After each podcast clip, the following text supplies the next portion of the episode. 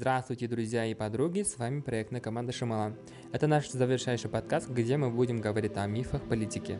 Во время реализации проекта мы узнали, что в обществе существуют разные мифы и стереотипы о политике. Например, политика – грязные дела, молодежи туда не стоит идти, или же политика не место для женщин и так далее. И тут мы хотели слушать мнение политолога Джумарта Ададаева. Тогда даю слово своему коллежанку Гуляима.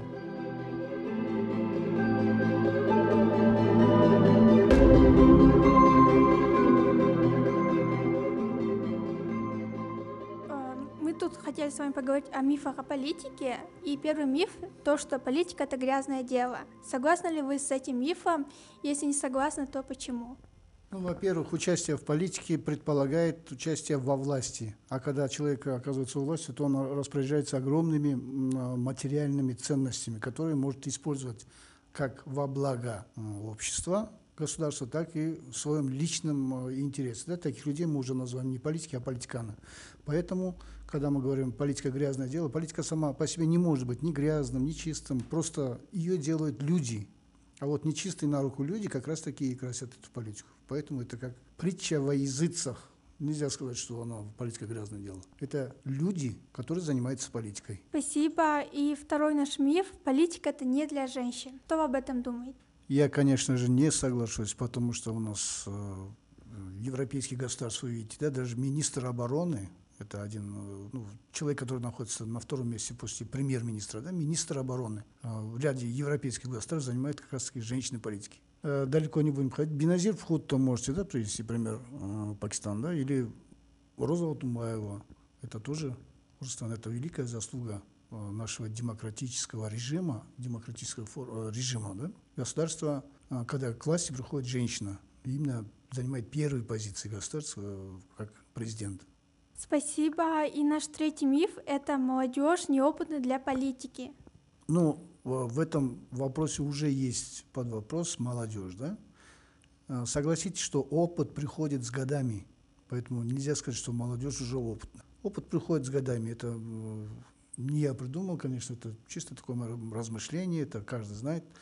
А, ну, конечно, хотелось бы видеть молодежь в политике, потому что некоторые опытные, в кавычках, политиканы, которые набрались опыта, находят еще более такие новые пути, ну, как сказать, использования политики в своих целях. Вот за, за годы, значит, э, суверенитета, смотрите, мы уже 30 лет, да, в суверенитете, суверенное государство, у нас сменилось несколько президентов ну, ясно, что не каждый президент был чист на руку. Даже э, Атамбаев, да, который до конца был в своем сроке, тоже после э, того, как он ушел э, с президентства, с президентского поста, э, он был лишен звания экс-президента, потому что со временем, оказывается, выясняются некоторые такие подробности, пикантные подробности, может быть, а может быть, такие подробности, которые не были доступны обществу.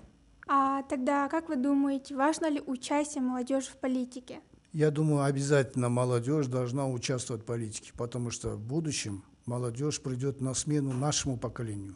Мы уже сейчас должны взрастить молодежь, которая будет иметь уже опыт, и придя к власти, не только к власти, и участвуя в политике, он уже будет ну, опытный, наберется опыта. А опыт приходит, еще раз повторю, с годами. Да? Поэтому сейчас необходимо участие молодежи с раннего периода. Также вот в связи с нынешней ситуацией мы бы хотели спросить о парламентаризме и как вы думаете, важно ли нам знать об этом? Ну, конечно, это очень важный вопрос. Все, что касается политики, парламентаризма, президентской формы правления, права президента при президентской форме, права президента при парламентской э, форме правления, это обязательно надо знать.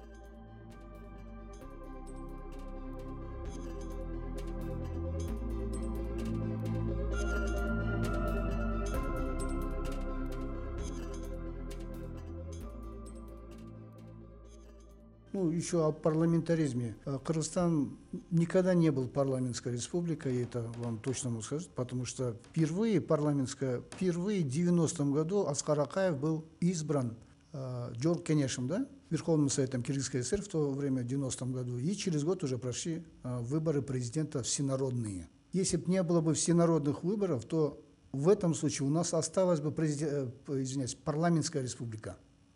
Были попытки составить парламентскую республику уже в 2010 году. Но это опять-таки, я повторюсь, это не чисто парламентская республика, потому что в парламентских формах парламентской форме правления обязательно президента выбирают депутаты жогорку парламента из своего числа а так как у нас и народ выбирает э, президента и парламент э, выбирает уже премьер министра это нельзя сказать что это чисто парламентская республика мы не попробовали парламентскую республику за тридцать лет было столько экспериментов которые привели можно сказать ну вот ни к чему. Вот заново мы строим новую форму правления заново мы устроим эту конституцию. За тридцать лет как то получается не научились. Ну вот этот миф э, что политика грязное дело глубоко осел в сознании нашего народа. э, и получается что молодежь как то не стремится идти во власть не стремится участвовать в политике потому что уже заранее как бы определено что Э, политика это грязное дело. Если интересуется политикой политикой интересуются немногие. Поэтому у нас есть э, такое выражение тогда говорил что если ты не интересуешься политикой то политика займется тобой. Поэтому а если у вас нет возможности как то изучать может быть политику или политологию в целом науку о политике да то надо как то самостоятельно стремиться к этому. Ну я не знаю может быть даже какие то курсы организовывать или вот э, высшее учебное заведение. У нас есть вот предмет политологии который я преподаю уже около двадцати пяти лет. И азы политологии. Ну нельзя сказать что это чисто практика. Это только теоретическая часть. Но хотя бы если вы будете знать теоретическую часть и использовать на практике это будет большой плюс для молодежи в чем я не сомневаюсь. Обязательно общество должно быть политически грамотным. Наша политическая культура предполагает как раз таки именно вот такие ведущие активистские политические политическую культуру активистского типа потому что демократия сама предполагает да, роль активную роль личности и участие ее в политике.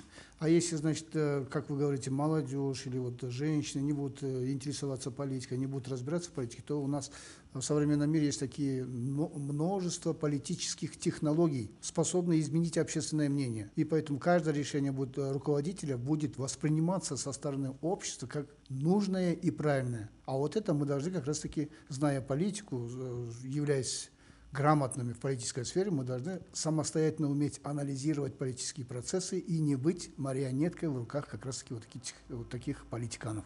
А, хорошо. Что вы думаете о нынешней политической ситуации Кыргызской республики?